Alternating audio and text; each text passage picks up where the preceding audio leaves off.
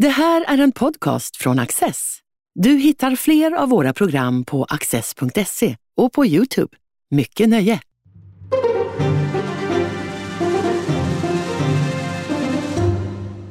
Välkomna till Studio Access. Och välkommen eh, Henrik Landerholm som är min gäst eh, idag. Du är tillträdande chef för den nya Myndigheten för psykologiskt försvar. Vad är psykologiskt försvar egentligen? Det är en bra fråga eftersom den gamla Styrelsen för psykologiskt försvar lades ner eh, 2008 och den nya myndigheten nu inrättas i eh, 1 januari. Psykologiskt försvar i dess gamla version var ju en ganska dels propagandainriktad verksamhet 50 och 60-tal under Beredskapsnämnden för psykologiskt försvar som det då hette.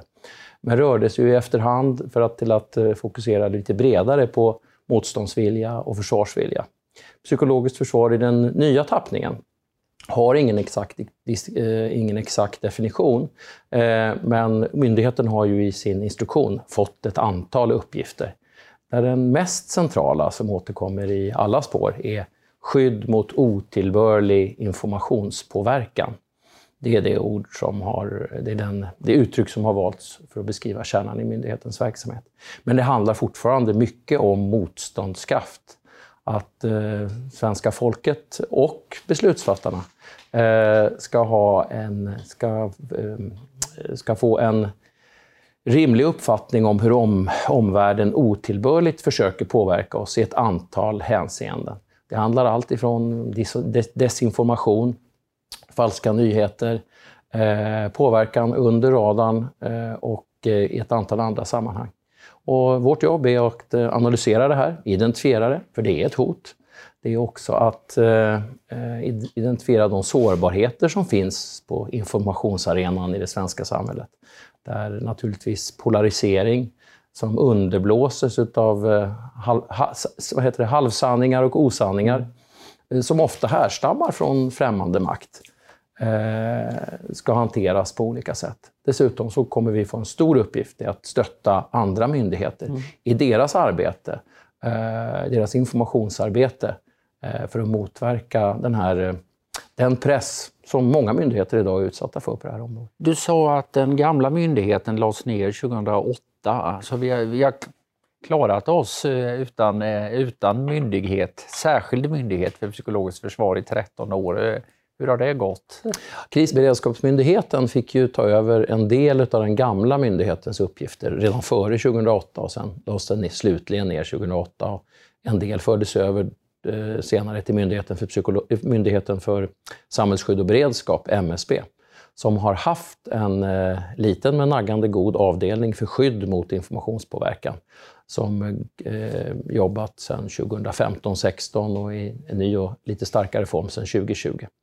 Så det är klart att eh, det som hände efter 2008, Georgien, eh, som var en försmak av att världen faktiskt eh, såg annorlunda ut än vad vi faktiskt för, de flesta av oss föreställde sig vid försvarsbeslutet 2004, då ju extern militär påverkan mot vårt land och därmed på något sätt också extern negativ påverkan mot vårt land i övrigt i det närmaste skrevs bort som hot, åtminstone i det korta perspektivet.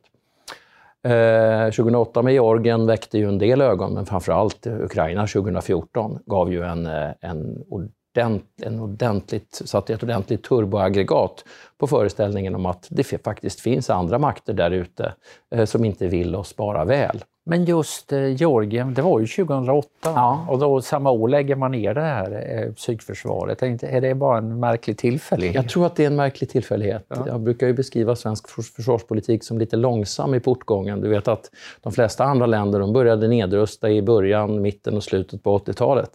Eh, Sverige låg ju fel i fas redan då. Vi började istället öka våra militära satsningar under under 80-talet och faktiskt ända fram till försvarsbeslutet 92. Så vi har alltid haft en tendens att lägga lite, o, lite i ofas. Det kan jag ju säga med mina 11 år i försvarsutskottet i Belgien. Ja, fast just de åren var då kanske inte det största misstaget i, i försvarspolitiken? Eh, det, är en, den, det är en intressant fråga. Jag tror att 2008 eh, är, det är en ren händelse, att Georgien och nedläggningen kommer samma år. Eh, för diskussionen om ett nytt psykologiskt, psykologiskt försvar och en ny myndighet för psykologiskt försvar, den kommer direkt i kölvattnet utav det som händer på Krim och i östra Ukraina mm. under 2014 och leder till att försvarsberedningen eh, föreslår en ny funktion för psykologiskt försvar. Ja, just det. Och nu blir det myndighet sju år senare. Eh, ja, vi har ja. långa beredningsprocesser i, i, vårt svenska system. Vad kommer du att kunna göra som inte MSB då har gjort? Framförallt så kommer jag ha resurser av en helt annan dignitet. Eh, idag satsar eh, staten 37 miljoner om året på det här.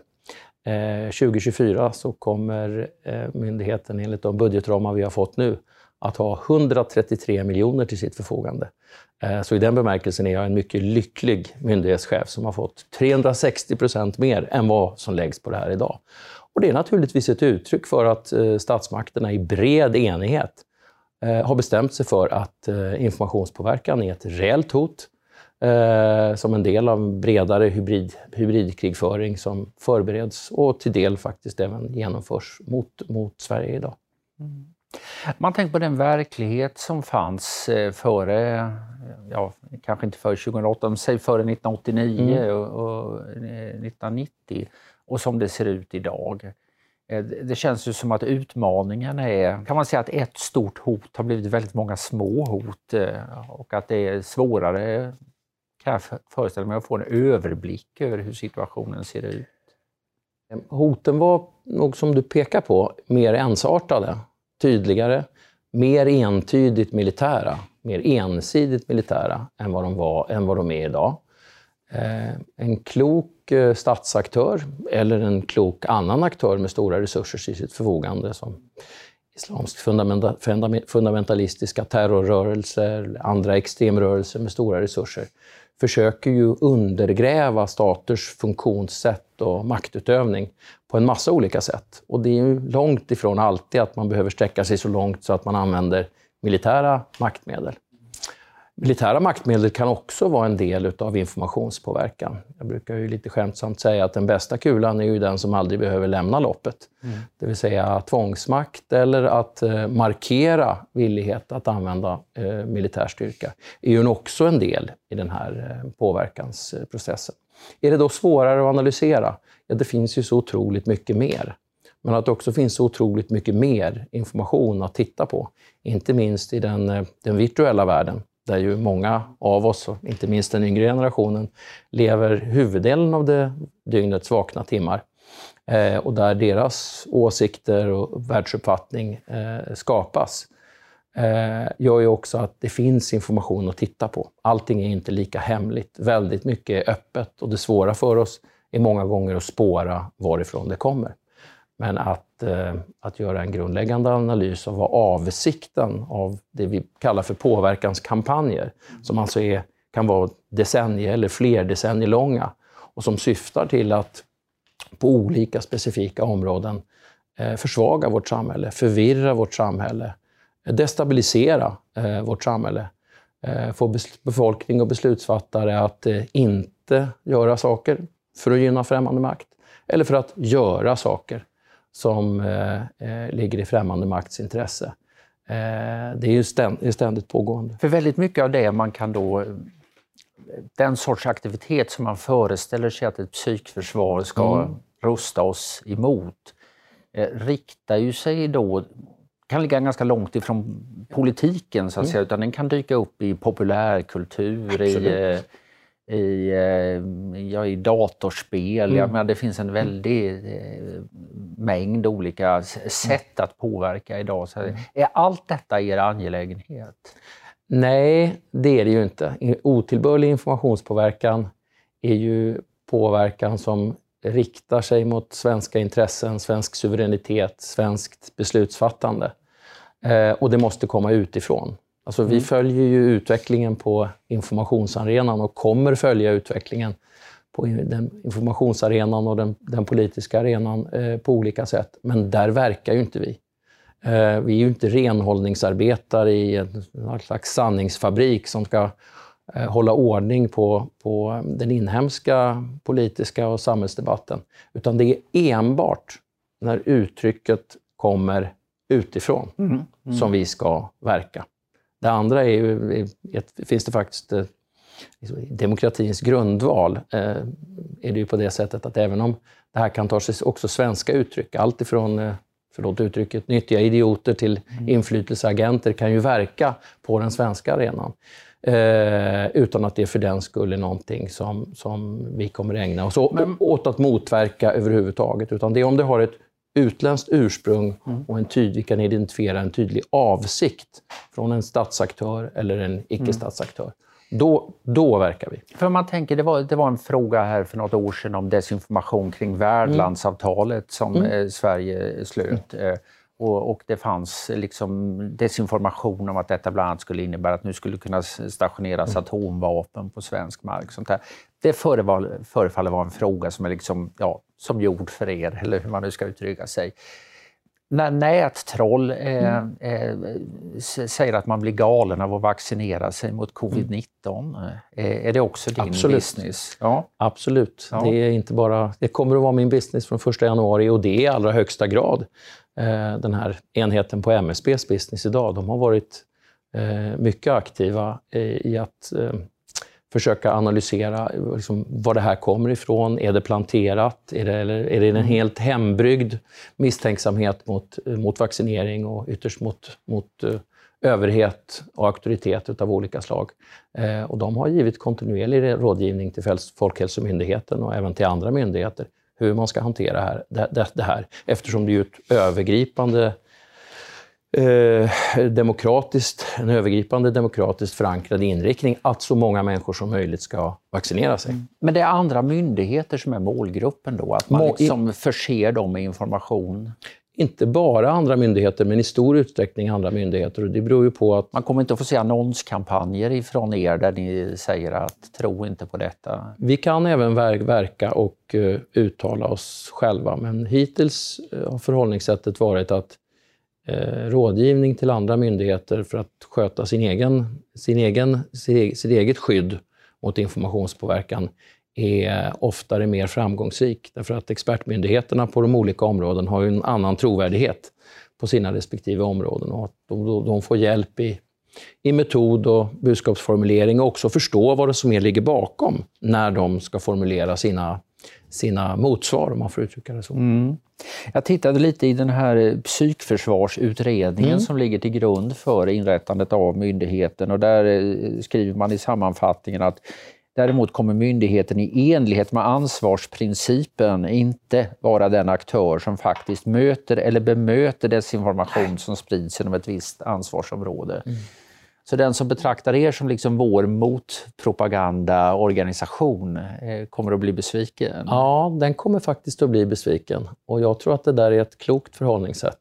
Den som har trovärdighet i en fråga och har sakansvaret för den frågan ska också uttala sig i den frågan. Det vore fånigt om Myndigheten för psykologiskt försvar skulle tassa in på det militära försvarets område och försöka vara en motkraft eh, till utländsk påverkan eh, på det området. Det vore också förmätet att, eh, att verka på andra expertområden som vi pratar just om Folkhälsomyndigheten eller ja, you name it. Eh, och därför tycker jag att det, en, det där är en klok avvägning eh, som har gjorts vad gäller vårt verkansområde. En, ja, möjligen ett stickspår, men jag tänkte häromdagen när du då presenterades som ny myndighetschef, då har du Mikael Damberg som är inrikesminister med placering i justitiedepartementet som mm. gjorde det, inte försvarsdepartementet. Mm. Varför är det så? Det beror på att totalförsvarsfrågorna har ju förvisso förstahandshemvist i, i försvarsdepartementet, men regeringen valde ju 2014 att de, dela eh, de om, frågorna kring det civila försvaret som nu i huvudsak hanteras i inrikesdepartementet. Så eh, med nuvarande departementsindelning så är det här en helt naturlig hemvist eh, för frågorna. Ett mycket förvaltningspolitiskt korrekt eh, svar. Um, Myndigheten är ju underställd regeringen, vill jag understryka. Ni ska eh, enligt en instruktion som publicerades häromdagen utan dröjsmål till regeringen rapportera uppgifter om otillbörlig informationspåverkan som kan ha betydelse för Sveriges säkerhet. Jajamän. Ja, är det praktiskt möjligt? För det låter på dig som det här pågår för fullt dygnet runt. Så att säga. Det, det är praktiskt möjligt och det görs redan idag. Varje dag? Eh, om det behövs varje dag, men normalt sett på veckobasis. Mm. Så det är en kontinuerligt informationsflöde som går till regeringskansliet ifrån er? Ja. Ökar eller minskar det här eh, informationsflödet just nu? Du menar den otillbörliga informationspåverkan? Ja, som genererar rapporterna om den. Ja, precis. Just nu är, den, är det ganska, ganska statiskt. Det är ett, ett jämnt flöde. Mm. Vi kan inte säga att liksom, kort, om vi tittar kort bakåt och bedömer hur det ska bli framåt, så är det inga markanta förändringar. Men det sker ju svängningar. Vi räknar med en större påverkan under valåret. Och eh, att hjälpa till att skydda Sverige eh, mot otillbörlig påverkan under valåret är en stor uppgift för oss. Valmyndigheten har givetvis sitt, enligt ansvarsprincipen, mm. ansvaret för, för eh, genomförandet av valet. Men vi har ett antal aktiviteter och en hel del analys planerat på området för att stötta både Valmyndigheten Eh, och de politiska partierna. Eh, här har också Säpo, eh, med det rena säkerhetsskyddet, en väldigt viktig roll att spela. Så att det finns flera myndigheter inblandade. Men för att anknyta till din fråga, ja, vi räknar med en, en, ett större intresse och högre aktivitet under valåret. Det är i alla fall det vi förbereder oss för. Nyckelord i instruktionen är ett, är ett uppdrag. Då är identifiera, analysera, lämna stöd, sprida kunskap, utbilda, öva, beställa mm. forskning, verka för samverkan. Man kan säga det, det beskriver ju ett, ja, ett försvarsuppdrag, ett defensivt mm. uppdrag. Har vi någon offensiv? Eh, på det här området så har vi ingen, eh, ingen offensiv. Mm. Eh, och det är heller inte, inte avsikten. Hos dig, men, och inte heller däremot, någon annanstans. Däremot ja. är det naturligtvis att inom ramen för defensiven eh, så kan vi ju vidta även eh, offensiva insatser. Men det är ingenting som jag tänker att utveckla vidare i offentligheten. Vad kan du allmänt säga om lägesbilden just nu? Är, är vi utsatt för ett... Eh, ja, just nu var det inte eh, någon stark utveckling i någondera riktningen, men hur är det trycket gentemot Sverige om du jämför med andra eh, jämförbara länder? Eh, och varifrån kommer det? Bra fråga. Ehm, jag gör som inrikesministern, jag hänvisar till de nyckelaktörer bland statsaktörerna som pekats ut av Säpo, nämligen Ryssland och Kina. Eh, som utan tvekan eh, utövar ett, ett visst tryck på informationssidan. Det går inte att komma ifrån. Tittar man bredare på det så är det ju utan tvekan så att det är fler aktörer som jobbar på det här området än, än tidigare. Eh, det är som jag antydde tidigare svårt att säga om det har ökat markant, för det, det går i vågor och det beror också på vilka frågor och vilka intressen som, som på säga, är uppe till diskussion. Därför är aktuella frågor som en valrörelse som påverkar valets inriktning, den har intresse. Regeringsbildningsprocessen efter 2018, också ett exempel på sånt som har intresse. Frågor som är viktiga för främmande makt. Du nämnde värdlandsavtalet. Mm. Eh, mm. definitivt av intresse. Eh, man kan också genom att räkna baklänges lätt inse att eh, frågan om eh, svenskt medlemskap i NATO eller inte är självklart en fråga av intresse för för vissa av de verksamma på det här området. Och eh, det kan också röra sig om frågor som är mindre uppenbara men som kan ha indirekt verkan. Absolut, och jag, vi ska inte se det som, ett, som, som direkt kopplat till eh, på säga, traditionella, hårda säkerhetspolitiska mm. frågor. För det är de avseenden som syftet är att eh, försvaga, förvirra och destabilisera. Att göra Sverige svagare mm. eh, som, säga, som samhälle och som politisk organism. Eh, så kan ju informationspåverkan mycket väl välja helt andra mål än hårda säkerhetspolitiska mål. Det kan handla om att, att underminera förtroendet för myndigheter. Mm. Det kan handla om att underminera förtroendet för väsentliga samhällsfunktioner. Och det kan handla om att eh, underblåsa uppfattningar som redan finns och som tenderar till att polarisera det svenska samhället och mm. slita, slita isär det. Eh, på det sättet så är ju en svensk politisk debatt mycket mer utav gefundenes fressen idag än för 10 eller 20 år sedan, mm. eftersom de här motsättningarna redan finns i stor utsträckning och någonting som man kan spela på. För den som jobbar på det här området, och det gäller ju inte bara otillbörlig informationspåverkan, utan alla som jobbar med information, vet ju att det är otroligt mycket lättare att hänga på en trend eller en åsikt mm. som redan finns och underblåsa den. Istället för att presentera helt egna motbilder som ofta har väldigt svårt att få fäste inte minst i en befolkning som den svenska som ju har en, en rejäl skepsis, om man får uttrycka det så. Inte minst, inte minst eh, av historiska och ideologiska skäl eh, mot flera av de länder som jag nämnde. Det är inte en, det är inte en, en, en det finns ingen stark grogrund eh, för att bedriva den typen av varken dold eller öppen propaganda direkt i andra länders intressen, skulle jag vilja hävda. Om man då säger så här... Jag skulle säga, jag skulle, exemplet här är egentligen det amerikanska presidentvalet 2016 och 2020. 2020 så kan vi notera ett, en omfattande plantering utav fake, av falska nyheter. Falska nyheter, narrativ som är till för att, att säga, göra att interna aktörer gör dem virala, sprider dem mm. och därmed skapar just förvirring, försvagning och destabilisering och ytterligare polarisering. Och syftet ganska tydligt var att eh, president Trump, eller det som blev president Trump skulle vinna och att, eh, eh, att Hillary Clinton skulle förlora. Det var ju uppenbart. Men eh, det är också lika tydligt att i presidentvalrörelsen 2020 så behövdes inte det här. Polariseringen var tillräckligt långt gången. Eh, de galna narrativen, om vi får uttrycka det så, de hemkokta falska nyheterna, Eh, de fanns redan inne i den amerikanska miljön. Så därför eh, har de som studerat det här sett väldigt få eh, planterade eh, nyheter eh, utifrån. När man har nått en viss nivå och, och oro, polarisering och misstroende ehm, har, har ökat tillräckligt mycket, då sköter det, så här, det här sig alldeles självt med mycket begränsad påverkan utifrån. Du säger att Sverige har blivit ett mer polariserat samhälle politiskt sett. Hur långt är vi mm. från den nivån när galenskaperna sköter sig själva? Jag tror att vi är mycket långt. Jag tror att vi är mycket långt, men det är klart att det finns ett antal avgörande samhällsproblem som, eh, där vi kan se att befolkningens uppfattningar skiljer sig väldigt mycket åt. Och den här, den här, det här så att säga, avfärdandet av den andra sidan som eh, ond, mm, som alltså har, dåliga, har onda avsikter. Eh, den tycker jag jag kan se i vårt, eh, vår debatt, inte minst på sociala medier. Ehm, Twitter och, och eh, i första hand, eh, men även andra medier, har ju en, alltså en ton och ett förhållningssätt mellan aktörer som faktiskt, som faktiskt eh, eh skapar ett, ett, ett, ett, allt, ett bredare misstroende oavsett om det är befogat i sak eller inte. Eh, och det här det är ett problem i, i jag skulle säga alla västländers samhällsklimat. Mm.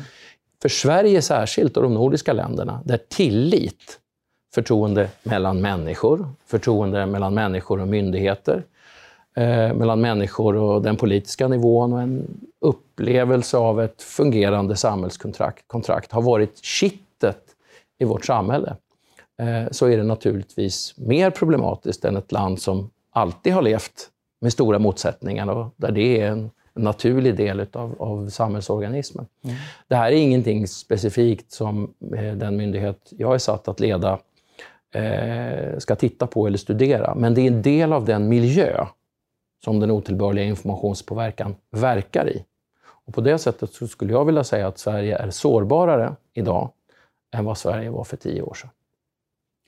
Ja, det måste vara en knepig principiell fråga för dig här. Eh, alltså det finns ju en... Man kan beskriva polariseringen som problematisk på det sätt du just har gjort. Och sen skulle man naturligtvis kunna säga att ja, det här är en del av vårt demokratiska system. Absolut. Att vi, vi har verkligen viktiga frågor att vara mycket oense om. Och det är inte ryssar och kineser som har eh, äggat upp de olika sidorna i debatten utan det har de gjort alldeles på egen hand mm. eller kanske i reaktion på samhälleliga mm så, så ett budskap från dig om mindre polarisering, mm. eh, eh, ja, det, det, kan vara begripligt i ett perspektiv men problematiskt i ett annat. Det är inte problematiskt varken för mig eller för myndigheten. Eh, därför att vår uppgift är inte att motverka polarisering i den svenska debatten. Eh, vår uppgift är att förhålla sig, oss till det, den informationsarena eh, och hur den fungerar. Eh, för att se till att otillbörlig informationspåverkan från aktörer med eh, avsikt att påverka Sverige, att göra saker eller att inte göra saker, att inte de får fäste. Mm. Det är där vårt jobb är att skapa motnarrativ.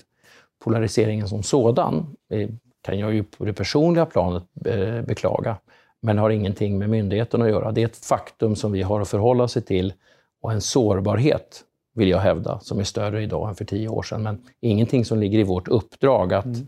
att uh, försöka dämpa åtgärda. eller hålla tillbaka eller åtgärda. Och det är en väldigt viktig, väldigt viktig distinktion som du tar upp. Vi måste ta tillfället i akt och höra lite om dina personliga erfarenheter också. Du har, du har haft många eh, tunga jobb genom åren och mm. eh, de senaste åtta åren va, har du varit ambassadör, först i Lettland i fyra år och sen i Förenade Arabemiraten mm. i fyra år. Om vi, Lettland som ligger i vår mm. närhet och nära ett av de länderna du just nämnde som är ja, mm. problematiska. Eh, hur märktes den här eh, eh, påverkan eh, i, eh, i, i, den lettiska miljön?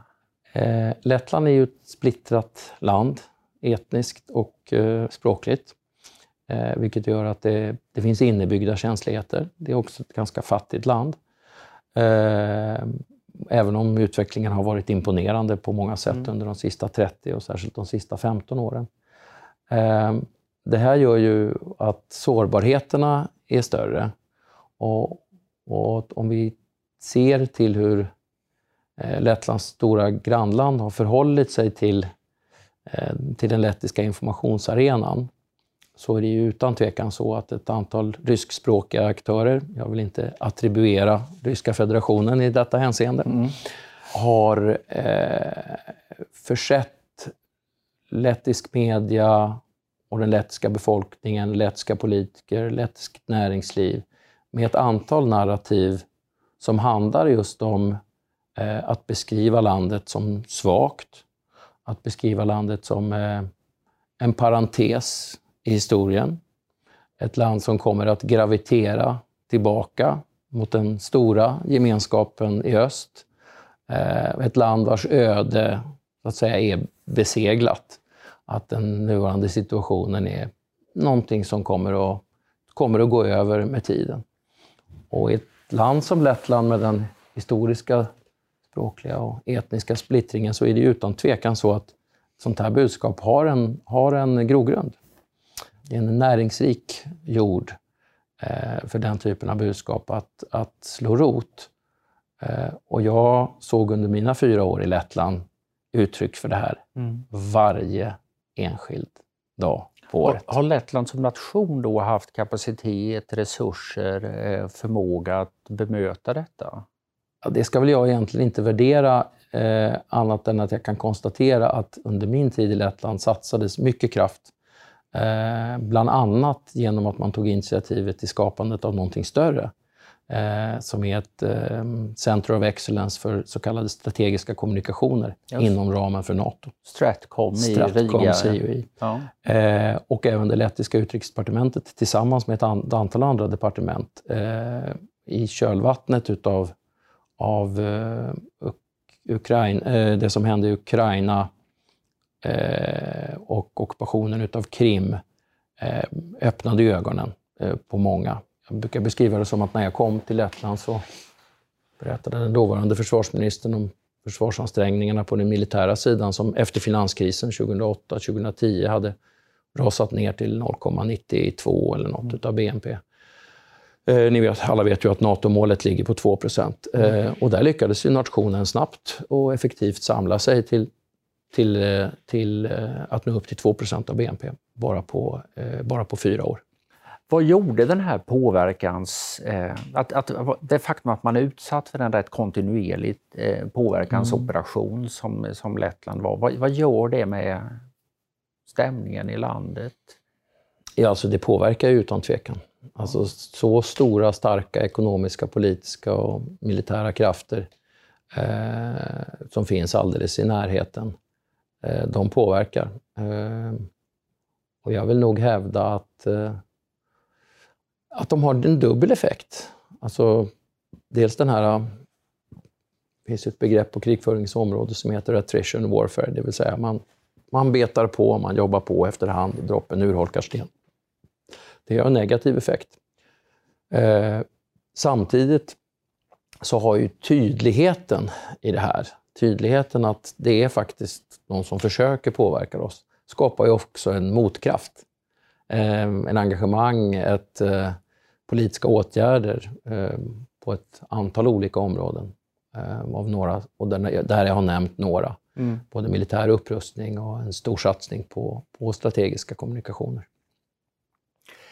Du var som sagt också eh, ambassadör i Förenade Arabemiraten i fyra mm. år. Var de här frågorna på tapeten där? Ja, det var de. Eh, Förenade Arabemiraten har ju inte ett eh, medieklimat, ett eh, yttrande och pressfrihetsklimat som riktigt kan jämföras med, eh, med Sverige eller andra länder i EU. Eh, utan andra förhållningssätt på det området. Däremot finns det faktiskt några områden där vi har starka gemensamma intressen. Eh, inte minst eh, att motarbeta mm, den politiska islamismens narrativ och framförallt den militanta, våldsbejakande politiska islamismens narrativ som ju under en ganska lång period var väldigt framgångsrika, också i Sverige. Det stora antalet ISIS-krigare som mm. rekryterats i vårt land, som nu också har hanterats i bemärkelsen att det finns, eh, det finns hemkommande svenska medborgare som, som eh, eh, måste följas upp. De terrordåd som också, om än i begränsad utsträckning, nått vårt eget land har ju samma gro, ideologiska grund, grogrunden, successiv radikalisering och en successiv övert, ökad övertygelse om att våld är inte bara rättmätigt och legitimt utan också ett verksamt medel för att eh, påverka det som man uppfattar som en omvärld som är fientlig och motståndare till, eh, till islam. Förenade Arabemiraten eh, tillsammans med bland annat EU och andra aktörer skapade ett, eh, ett center för det här kring 2013-2014 som heter Hedaya. Eh, som jobbar mycket med, med narrativen eh, också i religiöst avseende. Mm. Eh, för, att, för att försöka motverka berättelserna om det rättmätiga, legitima och verksamma i att använda våld eh, för sina, sina politiska intressen. Finns det erfarenheter där som du kan ha nytta av och myndigheten kan ha nytta av i sitt arbete? Eh, även den militanta våldsbejakande eh, politiska islamismen, eh, i den mån den kommer utifrån. Mm. Eh, när den tar sig uttryck i Sverige så finns det säkert ett och annat eh, i det arbete som bland annat Hedaya har gjort i många eh, muslimska länder. Eh, Indonesien, Nordafrika och ett antal andra. Där man jobbar med, eh, har jobbat med, med att eh, presentera alternativa berättelser, alternativa narrativ, alternativa religiösa, påverk- eh, religiösa tolkningar för att påverka befolkningen i, i olika hänseenden. Men här får vi vara försiktiga. Vi har, vi har en egen politisk islamism representerad i Sverige. Det är helt legitimt att, eh, att på åsiktsfrihetens grund eh, delta i en offentlig debatt om, om rätt och fel. Och den må, om vad som är rätt och vad som är fel och hur man tycker att samhället ska vara, vara organiserat. Och på det sättet ytterligare ett exempel på att den här myndigheten ibland har en... Har, har, det är väldigt viktigt att vi inte bara håller tungan rätt i mun, utan att vi håller isär våra, upp, våra uppgifter som handlar om att motverka informationspåverkan utifrån, utan att för den, tassa, för den skull tassa in på demokratins, yttrandefrihetens och pressfrihetens område. Tvärtom är ju vår myndighets uppgift ytterst att försvara åsiktsfriheten från otillbörlig påverkan utifrån.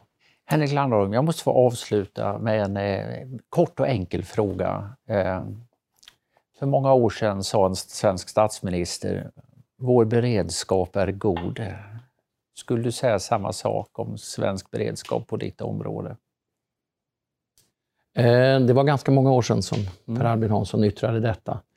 Eh, jag vill hävda att eh, svensk beredskap, trots de begränsade resurserna idag, inom ramen för dem, är god. Jag har redan nu klart för mig att Sverige är en efterfrågad partner på det här området. Vi kom igång tidigt efter 2014 med att bygga en begränsad men eh, mycket kvalificerad kapacitet på området. Så att eh, i den bemärkelsen är vår beredskap utan tvekan god, men den kommer att bli avsevärt bättre och framförallt större och bredare genom den nya myndighetens uppdrag. Gott att höra. Henrik Landerholm, stort tack för att du har varit här. Tack så mycket. Du har just lyssnat på en podcast från Access. Du vet väl att vi också är en tv-kanal och tidning? Teckna en prenumeration idag på access.se.